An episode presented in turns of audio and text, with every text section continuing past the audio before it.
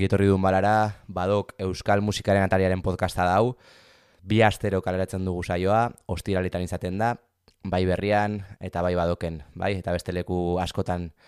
E, kaixo eneritz, zer moduz? Kaixo jago ba, ba, bueno, hau dugu urteko lehena, eta, bueno, izango zen agian pentsatzeko egingo genituela zerrendak eta baina urtea bukatu genuen dagoeneko errepaso batekin eta errepika korrak ez izatarren beste kontu batera joko dugu erabat e, esai honetan. Hori da, bai, eta agian nahiko ez jakinak e, garen mundutxo batan sartuko gara ez ni behintzat, arlo hortan nahiko ez jakina naiz. E, hain zuzen ere YouTube, Twitch, egia esan ez dakit, gonbidatuak azalduko dugu hobeto, baina ere mortan sartuko dugu muturra nola baita esatearen, eta gurekin izango dugu hortaz hitz egiteko Tibalt Alberdi izeneko egilea. E, bera Twitchen aritzen da okerrez banago eta gero Twitchetik YouTubera pasatzen ditu eta bar, bueno, ez egin kasu niri eta berak ezalduko du hobeto, baina bai dela ba, Euskal Komunitateak duen sortzaile ezagunetako bat, eta bueno, bakigu oso ezaguna ere ez dela, baina, bueno, behintzat zabaldu nahi dugu eta ezagutarazi nahi dugu badagoela, ez? Ba, ez dakit, e, beste hizkuntzetan hain haundi egin den ere hauetan ere euskarazko edukia. Zuen eritz, e, zen modatzen zara Twitch eta alakoetan? Ba, egia esan Twitch e, oso gauza arrotza egiten zait. Beti erakartzen nau, ez? Formatuak, baina, baina egia da bideo jokoekin esate baterako ez daukadala bateria harremanik eta jende asko korti jotzen du. Ara, Eta enaiz gai izan egia esan e, ba, sortzaile bat topatzeko agian em, arrapatu nagoena, baina esango nuke ez dakidala bilatzen. E, hau da, YouTubeen sortzaile gutxi batzuk jarretze ditut, e, baina bentsator badaki bilatzen, Twitchen ja, erabat galtzen naiz, baina, baina bueno, komunitate ikaragarria dago, ez? E, egokitu zait, ezakit, bizitzako gauza batzuengatik edo bestengatik harreman eukitzea ba, gazteagoa den jendearekin, eta hientzat e, mundu bat da, ez? E, hortaz, bueno, bat ibalte alberdik ingo digu bere gitarra euskaraz, bueno, YouTube meintzat bere izena hori da, e, Twitchen e, pup gitar, e, ba, bueno, e, bere bere edukien inguruan e, eta bueno, zer eskaintzen duen, ez? Bai, gitarrizketak izeneko ba, ez dakit nola ditu, saioa edo tarteagatik ere ezagutzen du jendeak dagoeneko ba, jende asko pasada bertatik e, ba, Euskal Estenako gitar jole desente eta bueno, ba, saio hontan e, hemendik joko dugu, ea zeirutzen zaizuen.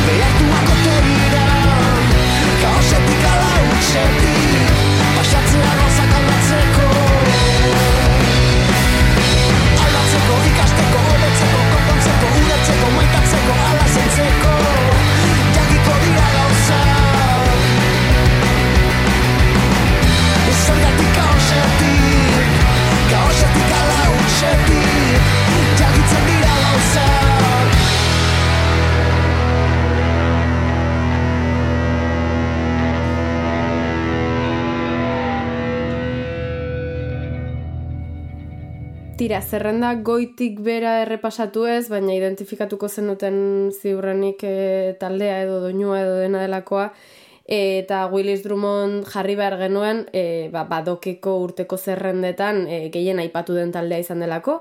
E, aurten ere aurten ere kaleratu dira badoken ba, hainbat e, Euskal Edabidetako ba, musikari lotutako e, pertsonen e, zerrendak, hau da haien disko kutxun edo urteko diskoekin, Eta, eta hori ba, lapurdiko taldea izan da e, aipatuenetako bat, e, ala ere diskoarekin eta kantu honekin gauza izenekoa. Ba bai, urtero bezala agertu dira badokeko zerrendak, eta, bueno, a ber, egia esan niri gustatzen zait, gustatzen zait zerrendak eta pixkat kuskuseatzea, eta bar, eta, eta bueno, neretan edo pentsatzea bintzat, bai, urtearen horrepaso moduko bat egitea, Baina, bueno, egia da, ba, formula oso, ez dakit nola, esan, ikusia dagola.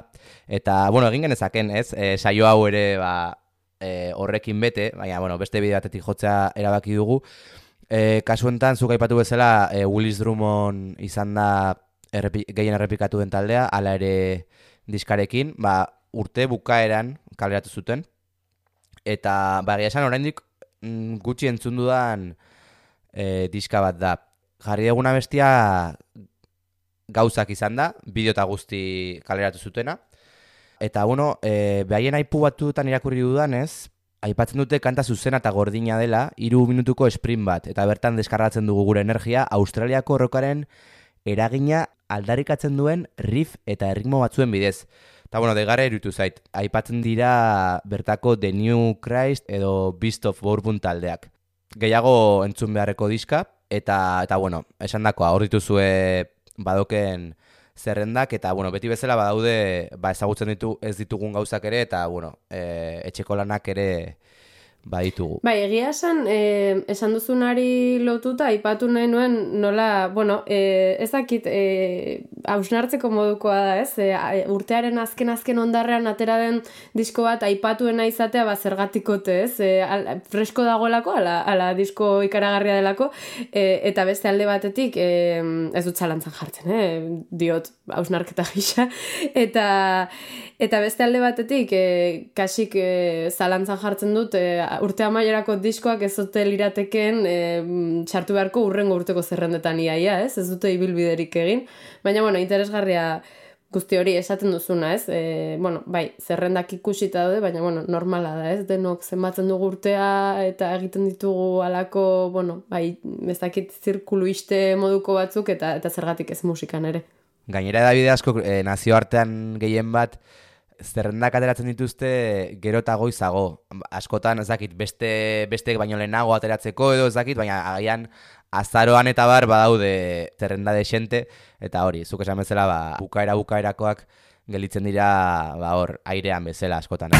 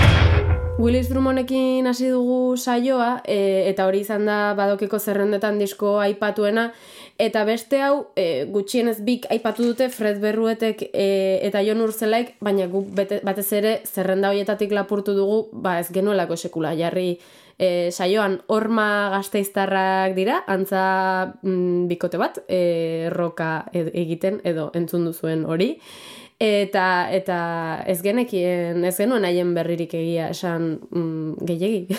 Ba ez, e, badaukeko zerrendek beti dakarte ez, lehen aipatu dudan bezala, ba, arakatzeko parada ez, eta, bueno, talde bat baina gehiago dago ezagutzen ez dudana. Eta hauzen horietako bat, e, orma taldea, gazteizarrak, eta homeopatia izeneko e, diska kaleratu dute. Grabazioa, ba, Sonora Studios e, gazteiz inguruko estudioan egin dute. Eta besterik gabe, ba, animatzen zaituztegu badok bisitatzera eta bertako zerrendak kuskusatzera eta bertan badakizue baituzue ba nobedadeak, elkarrizketak eta eta badokek eskaintzen duen guztia.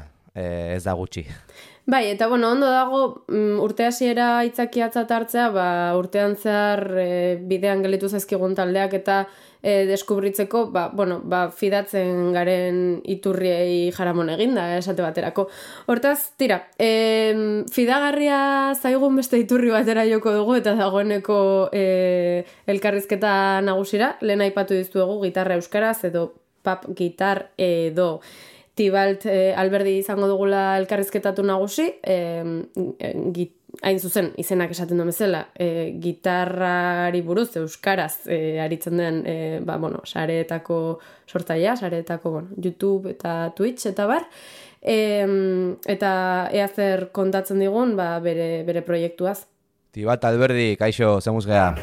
Ondo, mentxe. Egongo da jendia ez dakina, oaindik e, badaudela, ez? E, youtuberrak edo streamerrak o influencerrak ez dakit nola deitu. Olako jendia ba euskara ziten duna bere jarduna, ez? Bai, eh oraindik esan daiteke dela munduat e, indarra hartzen ari dana Euskal Herri mailan, baina igual oraindik ez daukana e, beste beste leku batzutan daukan indarra, ez?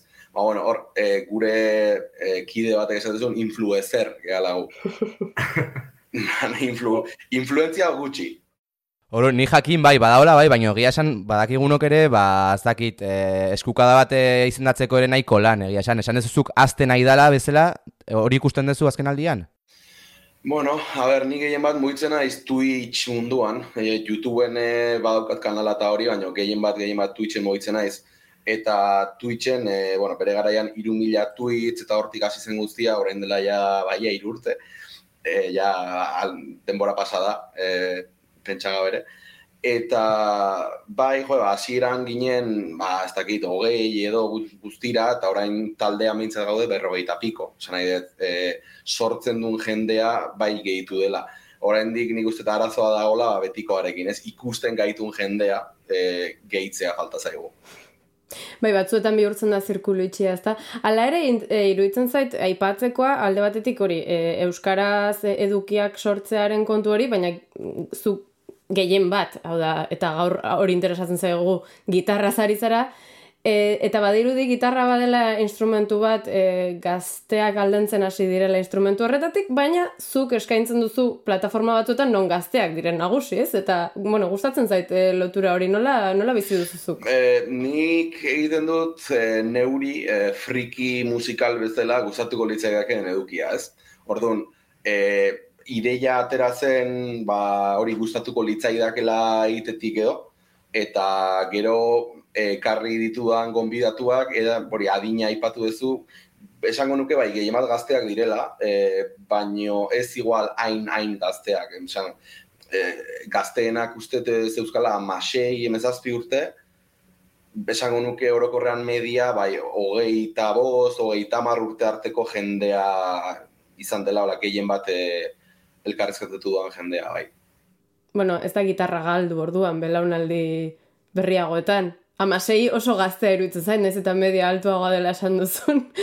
ba, a ber, azkenean, e, beti, nik ni uste, joe, e, musika klasikoa ere, ba, orain dela iruron urte homo, zena e, hegemonikoa, gaur egun ja igual ez da hegemonikoa, baina desagertu ez da desagertu ez, badago jende orain ere biolina, txeloa, biola praktikatzen ditunak, ez? Orduan nik uste naiz da orain e, estilo hegemonikoa beste bat den edo igual instrumentu errealak estilo hegemoniko hortatik kanpo geratzen ari diren, e, uste dut beti ongo dela jendea e, hori, ba, instrumentu, ba, gitarra, bateria eta eta rockeko instrumentu basikoak erabiliko ditu. Ni esperantza hori daukat. Jo, ni engantzatu nintzen zure dukira, konfinatuta egon nintzenean, hasi nintzen gitarrizketaren bat ikusten eta bar, eta jo, egia esan, irentxi nitun ia danak, eta jo, nere, nere burua harritzen un, zaten un, ze, dana galdera berdinak, ez dakize, eta alare, ba, ez dakit, e, ni ere zeango da friki bat naizela edo, e, gero ikusiet, hasi zinela koberrak egiten, bertsioak, e, bueno, koberrak barkatu, koberrak baino gehiago tutorialak, ez? Orduan, eta e, ikusiet, gitarrizketa, azken gitarrizketa uste duela bostila bete inguru edo atea zenula, zein da zure asmoa do, baukazu bide, bide finkoren bat? E, a ber, bueno, hasi hasi nintzen e, tutorialekin, baitare zelako eduki bat, nik e, e, gitarra jo tzaile bezala euki nahi nuna, baina ez neukana, orduan, bueno, ba, pentsatu nun, bueno, ba, neuk, ja, ba, neuzkan, e, e, ba hori, jakituria batzuk esango dugu, eta orduan, ba, nekizkin kantak e, erakusten saiatu nintzen, era nahiko kutrean, esan beharra dago nire bideoak, tutorialak ez direla oso oso probak. E, eta gero hori, gitarrizketen asuntoa hasi zen, azkena esan dezun bezala hori, Olat Salvadorrena izan zen, orain dela pos bat hilabete edo, eta berez nire asmoa da, e, esango genuke, urte kurtsoa, da, kurtso elektiboa edo ezagutzen den bezala, ba, gutxo gara jarraitzea. Kontua izan da orain, e, hori abuztuan utzi nun nire gazteizko pixua, orain logroño nago, neskakin logroñoen bizi naiz, eta obrak, eta, bueno, eta kriston, kristoa geuki ditugu, baina kasualidadea da, e, bueno, hori, ja, aste hontan bueltatzen ari zela e, gitarrizketa berriak egitera, nago konfirmazio baten zain, biharko, baina hori, hemendik aurrera, aste artero, aste artero, aste artero, nire tutxeko kanalean, zuzenean egon naiz, e, ba, gitar jole ezberdinak elkarrezketatzen. Nolako den bizitza, eh? E, gitarra euskaraz logroñotik. hori da, bai, bai, hori da. E, tibalt, nik aldetu nahi nizun, nola hasi zinen zu gitarra jotzen, e, zeren pentsatzen dut jende asko hasiko dela, bueno, behintzat e, komunitate horren barruan, zurekin gitarra ikasten. E, bai, bueno, pixkat kuriosoa da, nik e, nahiko berandu hartu nun gitarra, e, hogeita bat urterekin, orain hogeita maika euskat, amar urte da mazkit gitarra jotzen, gutxi gora bera eta izan zen, e, hori, neukan lagun bat, ba, juten nintzen gazteizko taberna batera pokerrean jolastera, eta neukan lagun bat, e, ba, bueno, e, behin edo behin bat, iru hau niola pokerrean jolasteko, ez genuen diru asko jokatzen, eh, iru euro, iru euro ziren. Eta orduan, e, ba, zortzizkidan 6 euro. Eta esan zidan, bueno, da, zeiru itzen e, mate baiat, e, gitarra klase bat, 6 euro jen horredez. Eta esan nion, bueno, ba, bale. Eta, klaro, ja lehengotik hasi zitzaidan hori, e, jotakeren introko riff hori eta erakusten, eta ja enkantzatu nintzen pila bat. Eta gero hori izan zen maiatzean, eta e, urte hortako irailean justu pertsona horrekin bizitzera jo nintzen, hemendik hau entzuten nahi baldima da, e, hau pabanza, makina, eta e, ba, post urte hon nintzen behakin bizitzen, eta, bueno, ba, imagina dezakezu gure egunerokoa zen, esnatu, gozaldu, gitarra jo, bazkaldu, gitarra jo, eta eta unibertsitateko kontu gutxi. Berez egin behar genuna, eh, nahiko gutxi. Orduan, zure lehen lezioa izan zen jotakeren soloa? Bai, jotakeren, ez soloa, ez soloa, ez jotakeren riff. Jotakeren riff, hori. Osa, zuzenan hasi zinean eh, afinazio metaleroekin, drop dead, hola, zinean hasi hola akustika edo klasiko batekin akordeak jotzen edo. Ez, ez, ez, ez, da, bai. Ez, ez, klasikoarekin hasi nintzen. Ados, ados, ados. Vale, vale riforik klasikoan. Bai, ba, ondo. Ez, eta kuriosoa dela bueltatu nintzela, hori maiatzean izan zen, eta, eta irailean bueltatu nintzen e, jotakeko soloko tapin hori dela nahi ba, asko gustatzen zati bat, erdi ikasita, ez dugan ikasita, ze jo, akuz, e, espainola baten oso zaila da hori ondo jotzea, baina e, horrekin bueltatu nintzen da, gelitu zen ere laguna flipatzen, en blande, ikaskauta, en blande, jaiz, zei biliaiz hori jotzen gitarra hontan. Oain atera dela sutagaren diskoa, e, ze irutu zaizu, entzun dezu edo, bueno, suposatzen lehenengo egunean entzungo zenula. Egon nintzen pixkat zain, e, nahi nulako zuzenean egin zerbait, baina nola bendik internetan gara arazo euskan, azkenean entzun nun, e, bat urankoko azokara jun baino pare bat egun lehenago edo. Eta, bai, horrekorrean irutu zait kristona, irutu zait e, kantu batzuk gaudela, bueno, da igual, nei pertsonalki ez diatenak asko esan, baina adibidez alarma egoeran kanta, e, sortze, ez dakit, daukan komplejidade bai e, estrukturala, bai teknikoa, bai harmonikoa, irutzet, kristona. Kristona. Bai, badoken aplikazioan izan omen da entzunena, gaur irakurriet, bai.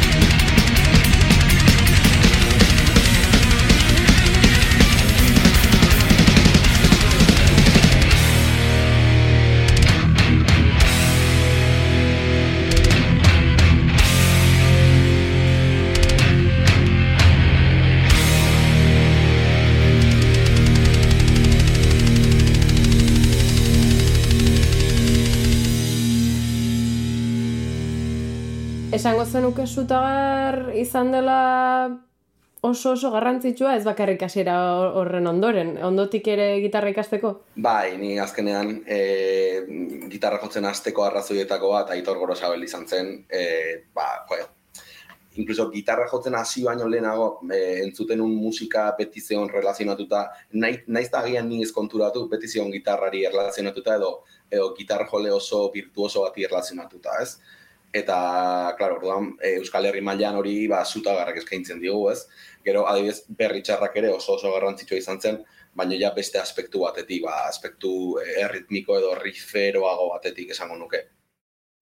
Jo, justu aipatu duzu virtuosismoa eta elkarrizketaren batean irakurri dizut, ba, lehen metala entzuten zenuela gehien bat, baina gero, ba, bueno, eh, saiatu zinela irekitzen apur bat e, beste genero batzuetara, e, nolakoa izan zen gitarrari dagokionez aldaketa hori, ez? Pentsatzen dut batez ere teknika aldetik eta gauza asko aldatzen direla generotik generora. E, bizi izan zenuen egoeraren bat kasik xelebre izango litzatekena alderantzez hasi den norbaitentzat? Ez zaitula momentuan ezer e, okurritzen, bai asko sufritzen dudala jazarekin, eh, hasi nintzenean eh, akademian, hori, eh, egon nintzen posturte lagun honekin eh, ikasten, esango, eta, bueno, egunero kotasunean, baina gero, iritsi zen momentu bat, hori, akademia batera joan nintzela, baina titulazio ba, profesionalago bat nahi nulako eta hori, eh, eta hor ikusi nun metala ez dela dena, estilo asko daudela, eta Bari, adibidez, beste pertsona batentzat oso oso erraza den e, blues leak bat edo blues progresio bat, ba, niretzatzen gauza bat ez nuna ezagutzen. Eta orduan hor bai e, ikusi nula hori, jabe, ba, ni gitarrista konsideratzen naiz, baina ez naiz hain gitarrista osoa, ez? Eta ordutik aurrera, bueno, saiatu naiz pixkat, naiz eta nire espezialitatea metalean dagoen, ba, beste estilo batzutako, ba, ba lenguaia ikasten, ez?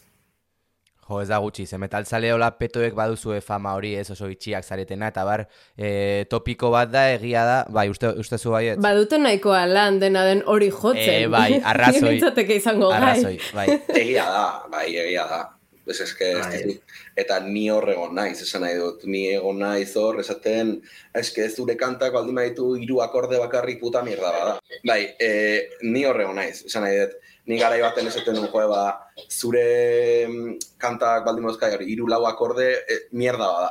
Orain, ikasi dut esaten, etzait gustatzen. Hau da, pasatu naiz esatetik mierda bada, gustatzen dela esatera zergaitik, ba, naiz da lau akorde izan, naiz da e, regetoi produkzio bat izan, hor lan badago, hor pertsona batek orduak sartu ditu, esan nahi, e, iruditzen askotan oso erraz gutxi dela besteen lana, eta eta damutzen naiz hori izateaz. Ordan orain saiatzen naiz, ba bueno, gusto nere gustoa ez da, baino ba eh errespetatu dezaket, esango E, zure edukian nabaritzen da, sana, e, a ber, alde batetik argi dago ikusten dira, ez, e, zure gustuak eta bar hoiek direla, baina e, anistasun bat ere ikusten, dut, egonda berezikiola harritu zaituen gonbidaturik edo? Eh, bai, eske baino, claro, hogeita amazazpi elkarrezketa egin ditut. Orduan, ja batzutan ez akordatzen ez da, ez dakit. E, bai, agian momentuan hola harritu zintun eta hola geretu zainzun norbait, o agian ez, ez dakit. Bai, hombre, bai, e, e, asko egon, baina harritu zentzu zehatzen batean, edo... Ez dakit, ba, agian zerbait espero zenun pertsona horren gatik, eta gero, ba, beste leku batetik zaizu, erantzunen aldetik, eta bar, ez dakit. E, bueno, ba, aipatukoet, aipatzearen bestela e, galdera utzik utzik lagako dugu. Aipatukoet, e, hori, Josu Simun belako eta lukiekeko Josu Simun etorre zeanen, nik espero nun e, komila askoren artean tipo korporatiboago bat, en plan, ba, tipo hone dauka belako, belako bezalako pop talde potente bat, e, gazteako mundilo hortan ba, ba, hanka sartuta dauka pixka daita, ba, justu urte hortan e, maketa lehiaketako e, jura hau bezala egontzelako eta hori. Eta irutu zitzaidan tipo oso naturala, en plan, e, etzen pixka destutu nun, askorez, e, nik esan nion, a nik jak egiten dira zuen favorea niri eduki hau sortzen laguntzeko nik ere ez dut nahi inor kompromiso baten jarri, ez? baino baino iruditu zitzaidan tipoa guzti zela eta esan zitula ba, berez beak e, espero zituen gauzak eta hori hori e, hori ondo ontzen hori ondo ontzen gero la besteren bat, momentu, hau, ba, gizun izaten den, orain ez eta oroitzen da, gero bukatutakoan, ez jo, jo, beste lau boste per, pertsona oroituko zaizkit, baina.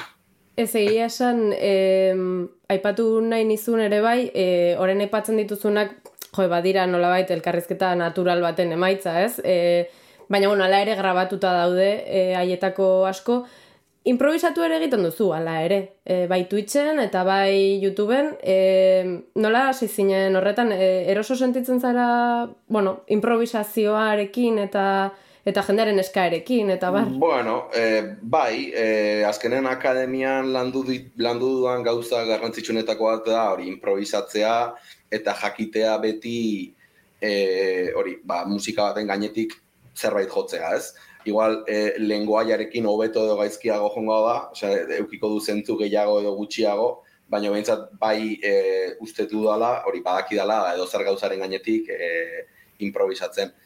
Eta gero, eskaeren aldetik, klaro, eske txatean jende oso kabroia dago, da hori hemen esaten dut. Eta e, nire kanalean txatean egon oide norbait baldima dago, zuk badakizu, zu oso kabroia zea. Ez, bromatan, esate du, baina baino ba, ez dakit, eh, Spice Girls eta hola eskatzen dizkidate, eta... Bueno, interes jarri izango litzateke hori egitea ere, bai, ez? Une batzuetan. bai, gero, aurreko astean eskatu zidaten eh, alakenen gainetik improvisatzeko. Eta, a ber, azkenean, klaro, eh, batzutan, hau komplikatu da, ze zuri eskatzen zute kanta bat, eta eh, gainetik improvisatzeko, eta lortzen duzun arte edo, edo visualizatzen duzun arte zein den erabili behar duzun eskala edo ze tonalitatean dagoen kanta hori, klar, e, notak fallatzen dituzu, nervioso jartzezea, eta, eta gauza dijoa gero eta okerrago, ez? Orduan, e, alakenekin jar, ba, minutu bat edo inun, etzi, etzi, enitzen gustora galditu, baina aldatu nun ole olentzerora, eta ole olentzeroen gainean, ba, gustora improvisatu nun pixkat. Eta jazta. baina bai, batzutan gauza arraro, arraro xamarrak eskatzen bueno, ziate. Bai. Ausardia bintza badaukazu, e, horretan jartzeko, baina bueno, batez ere ekarpena, ez? E, ba, esaten genuen ba, euskaraz, e, gitarra, e, Twitch, YouTube, hor, e, bueno, uztartzen dira hainbat kontu. Hala ere, e, ikusi talde bat daukazula, ba, sentitzen dut, baina ez nuen ezagun. E, kaban, kaban ikusi dut izena duela, e, hitz egin dezakezu pixka bat kabani buruz? Bai, e, a ber, kaban, e, kaban egin daukat nire bizitzako kontraesan handinetako bat, ze ni hori Euskararen alde, edo, bueno, Euskaratik, edo Euskaraz natural sentitzen dudalako edukia egiten nahi naiz, eta orduan, benetan mina bateit e, erderaz egiten duen talde bateko partaia izatea. Eta kaban, kabanekin oso gustora nago, baina benetan gustatuko litzai dake e, euskaraz izatea. Baina azkenean gazteizko jendeakin e, dauga talde hori, e, letrak sortzen dituena abeslaria da, mm, besteok e, neiko lan daukagu bai gure bizitzekin, ze abeslaria dauzka hogeita lau urte.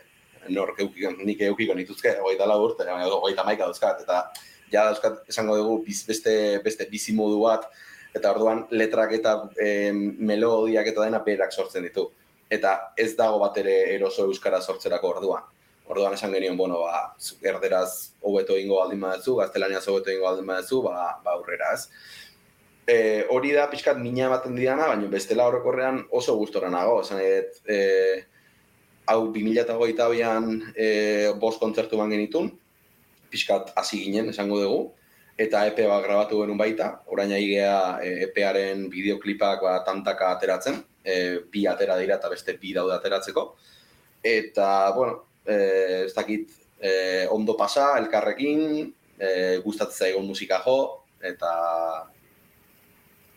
eta poko mas, esaten dena, ez? Tibalta, darra joko dizut, pixkat, lehenengo egin propaganda eta gero gero bota da, mu, akalderantziz egin duzu kontua taldea ondo dago, esan nahi, eta, eta ez, da, ez, ez da ni hor nagolako, baina irutzen zait nahiko, nahiko musika polita egiten dugula, bueno, polita hitz oso zea da, e, nahi gustatzen zait, esango dut. e, baina bai, jo, ba, eske azkenean e, bada hori mina ematen dian gauza, ez, ez dizu ez hori eskutatuko, ez, ez dut esango bai, bai, dena, dena bikain dago, ez, e, nik uste dut, eta gaina, zain nago, zainago norbaitek egunen batean esateko bai bai zuk euskara ez dakize baino gero taldea erdaraz da erdaraz daukazu. Eta ja esaten dena e, mekuren salud. Eta ja está. Horrek erakusten du ere ez? Be, be, beste komplexutasun bat ere badela hor guztiaren atzean. Be, gainera bueno eztabaida guzti horri buruz ere hitz egin izan duzu kanalean. Bai bai. Bai eta, eta normalean e, hori da jo eske niretzat azkenean e, bakoitzak nahi duena egin dezala, ez? Nei pertsonalki gehiago gustatzen zait e, Euskal Herriko artista batek euskaraz egitea, ba iruditzen zaidalako gauza natural bat, ez? Bazuk herrian, zure herrian, zure etxean bizizaren espazio guztietan euskaraz egiten baldin badezu, ba normalena da taldeare euskaraz egitea, ez? Gero hor sartzen dira, ba, egingo dute gazteleraz jende gehiagoren gana iristeko, eta bueno, hori baita lotu daiteke Twitcheko munduak inbiskat, hori, eske ez esango dizut, ba, ber, zait gaizki iruditzen, baino arrazoioa hori baldina da, ba, ez dakit, ez zait, ez, igual ez, ez, ez zaitu hainbeste errespetatuko, ez? E, ez gure kasua ez da, ez da hori, lan guk ez dugu gazteleraz egiten taldean e, jende gehiagoren gana iristeko edo Espainien mugitzeko, ez guk egiten dugu horrela, ba, ba gure taldearen zirkunstantzi mm, horrek ba, eraman gaitulako. Eh, da ya está, sana Neretzat hor neretzat asko eh, artean eta espezialki musikan eh, egiten duzunaren intentzionalitate horrek gar neretzat pisu asko dauka. Eta baita, lo, baita lotu daiteke e, mitiko jendeak esaten duna eske hori musika komertziala da, ez dakize eta musika komertziala txarra da. Nere ustez, zuk musika komertziala egiten baldin baduzu, baina egiten ari zaren horrekin e, gustora baldin mazaude, eh? eh ez ez daukat ezer zure kontra, esan nahi dut, zuk gozatzen duzu egiten duzu musikakin, perfecto. Oin, egiten ari baldin mazera musika estilo konkretu bat, ta, e, kanta mota konkretu bat, e, on, eta ez, baz, ez, baria, ez bazara ondo pasatzen ari, eta hori egiten ari baldin mazara, ba, e, ikuspunte ekonomiko batengatik edo zabalkundeagatik edo eta horrelako zerbaitegatik, ba hor ja zait e, ez daukazula bihotzik, ez? Ez daukazula e, nervio naturaltasun hori. Oain aipatu dezula komertzialitatea eta igaia pixkat izkuntzaren inguruan eta bar, e, ki diezina zait galdera, ez? E, zubet izan zea pixkat heiterra gazteakin eta olako kontugin ezakit. Lehen aipatu dezu, zure ikuspuntuak ere aldatzen juntzala. Ez dakit gai honekin ere zure ikuspuntuak aldatzen jundien, edo ez hainbeste, edo ze uste zu hobetu baitekela gure Euskal Estenan mundu, mundu hontan. A ber, e, nire iritzi aldatu da, zan nahi dut, hogeita amazazpi pertsona horietatik, egon dira batzuk oso iritzi zorrotza zeukatenak esango dugu antigaztea, eta egon da jendea gaztean sornatzen duna, eta mandiana bere iritzia. Eta mm, konturatu naiz, e, askotan e, nere nere hate hori datorrela pixkat ikuspuntu derrotista batetik, hau da, ni metalzalea naizen momentutik, eta metala gaur egun modan ez dagoen momentutik, ba, sentitzen naiz, e, ba, nire mundu hori e, ez dagoela representatu da bezala. Eta hori, uler dezaket dela nire ikuspuntua, eta eta ez dau, eta gazteak ez daukela zertan metal taldeai bultzada bat eman. Emango balie, perfecto, ni oso gustora entzungo nuke metala gaztean, baina ulertzen dut beste formula bat arabiltela. Baina bai e, mantentzen du dela, eta uste mantenduko dela iritzia hizkuntzaren aldetik, ze iruditzen zait, e, irrati publiko bat izan da, e, eta Euskal Herrian dagoen kalitate musikal eta eta barietate musikal guzti horrekin, iruditzen zait, joe ba, e, ez lukela 40 principales Euskaldun batek bezala funtzionatu beharko, eta portzentaiak, hau da, e, izkuntza portzentaiak aldatu beharko liratekela era bat. Hala, eguneko berrogeita marra ingelesez, eguneko hogeita bosta gazteleraz eta eguneko hogeita bosta euskaraz izan beharrean, jartzatzu eguneko, eguneko berrogeita marra euskeraz, eta gero hortik aurrera, ba, bueno, itzengo dugu, ez? Bai, daigarria da kontu bat, gu ez gara hemen aritzen horrela, ez dakit, kazetari, objektibo mm, lanak egiten, e, e, inondik inora ez, Eta, eta bakarrik e, kontu bat ez, e, deigarria da, gazteak egiten ez duen lan hori, zu bezalako ba, egile kasik, ba, ezak nola esan, e, baliabide, ba, bueno, pertsonalekin egindako zerekin egin behar dela ekarpena, ez, e, zentzu horretan. Bai, bai, e, nik e, Olat Salvadorren podcast o elkarrezketan esan nuen, e, gazteari interesatzen baldin bat nire formatua, a, e, guazen, guazen egitera, baina egingo dugu nire marra gorrien barruan. Esan nahi dut, nik ez nuke nire rollo hau, nire eduki hau salduko, e, ba hori, talde zehaz batzukin egin behar, ez dakit esplikatzen nahi nahi zen, ez? Esan nahi dut, Baitu bet. Iruitz zait, edukia, nik egiten duan edukia, kastean adibidez edukiko lukela lekua, baina izan beharko luke ni nahi duan bezala. eta bestela, ba, jarraituko dut neuko egiten, eta eta ez dago arazorik, ez? Zan, azkenean, e, ez, da, ez dago inungo alderdi ekonomikorik, Twitchen, zan, irabazi dut diru apur bat, bi urte terdi hauetan, baino da diru oso oso simbolikoa eta gainera mikrofono berri bat erosteko eta ez? Gauza horiek askotan gertatzen da ez esate izutela diru irabazi duzu ja baina gastu batzu daude ere bai. Ba pentsatu zazu e, irabazi ditudan berreun eta irurogeita marre euro egin e, egin ditu dala iru zozketa eta bigarren zozketan e, tokatu zitzaionak esan zian etzuela nahi man egiten un berroi euroko eh, parte bat neuretzat hartzen nun, eta ba, beste eguneko bat e, zozketara bideatzen. Ez? Eta orduan esan zian batek, beak etzula nahi, berri zozketatzeko. Orduan zer egin nun, itxaron, urrengo kobroa jaso arte, eta e, zoman, ez dut zoman bai, pagina, bai, bai. ba, ango, git, ango gitarra merkena zozketatu nun. Eta orduan, ba, nire kanaleko jarraitzaile batek, ba, eramantzun gitarra bat. Eta, bueno, e, Gero gainera, tipoak bazekin gitarra jotzen, da igo zituen bideo batzuk, eh, solo batzuk jotzen da hori, eta, jo, kiston guztua gatitu nintzen, en plan de, tea, plan, komunitat, bai, nire asmoa da hori, komunitatea ematen didana bueltatzea, bezala, zen mendik enaizela biziko argi dago. Zan, igual, ate batzuk, ate batzuk iriki aldizkit, ba, adibidez, aurreko urtean, e, EITB-ko bi batzueken ba, kolaboratu nun batzutan da hola, da hori oso ondo dago, baina ez, ez dit bizitzeko ematen, orduan, ez, ez dakit, e, irutzek politena dela, ba, atzea e, lagundu didan jende horri baita, ba, zerbait bueltan ematea. Orduan ez ikusten aukerarik e, mundu txonek pixkat gora egiteko, esan eta Euskaldunok beti gaude atzetik, ez? E, ez dakit beste ba, nazio hartan mugitzen denarekiko gauza askotan, ez? E, esan nahi dut, gauza bat e, beste gainerako hizkuntzetan eta e, asko ari dena,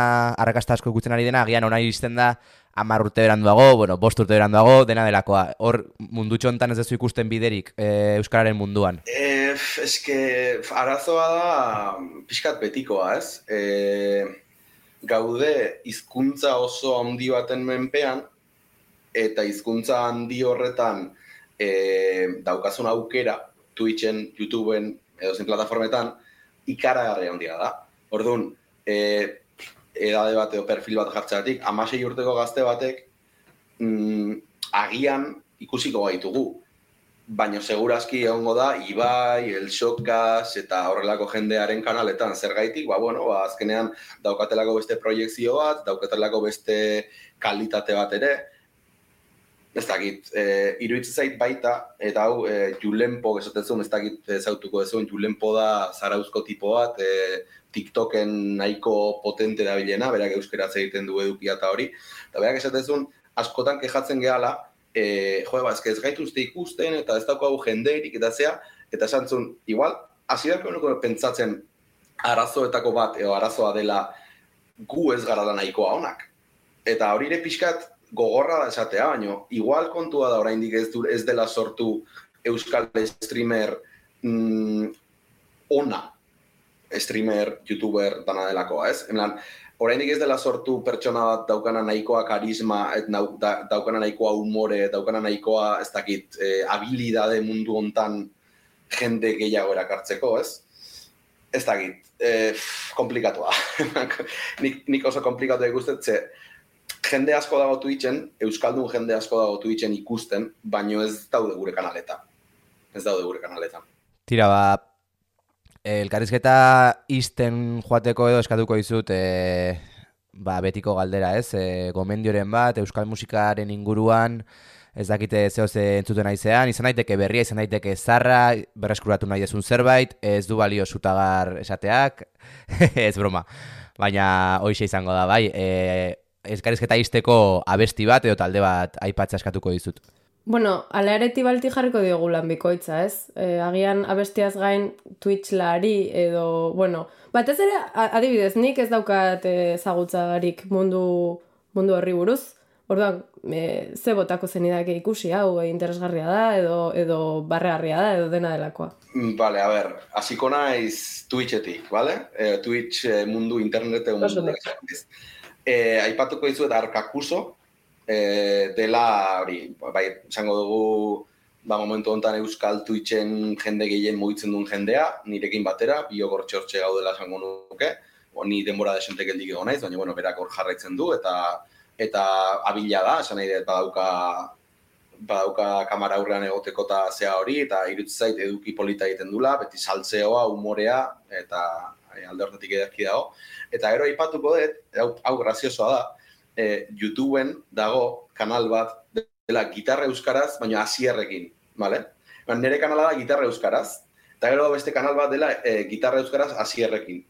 Eta tipo honek egiten ditu tutorialak baita, eta egiten ditu ni baino askoz tutorial hobeak, eta ez da bat inungo lotxa igor izateko, baina berak jotzen du e, kante, kanta main, mainstream egotera. Ba, e, ETS eta bulego eta horrelako egite ditu. Bueno, e, bere zea da, eta iruditu zait, e, Euskaraz gitarra jotzen ikasi nahi baldin badezu, edo Euskal kantak batzuk ikasi nahi badituzu metal eta rocketik kanpo, gitarra Euskaraz azierrekin. Bestela, gitarra Euskaraz asekaz. Oso ondo.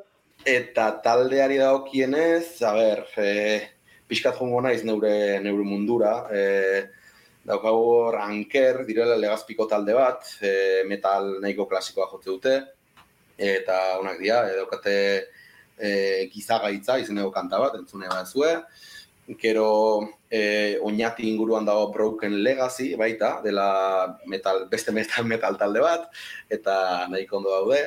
E, aipatuko dut el quinto contenedor dela Andonio Jokiegi maisuaren eh, metal taldea.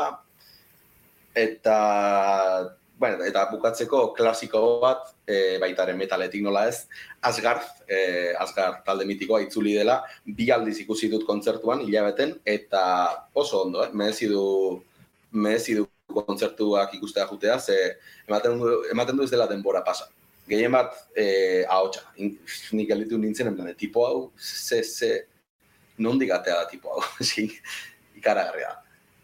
Da, hor txen nire, nire gomendioak.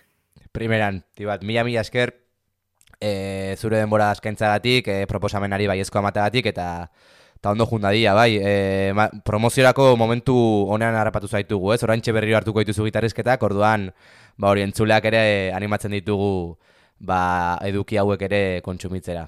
Mila mila esker. Eskerrik asko zuei gonbidatzeagatik eta nire txapa jende gehiagoren gana e, zabaltzen usteagatik. Eta beste eh? ba, e, nire kanaletik pasatzen maldi mazarete, han ikusiko beha.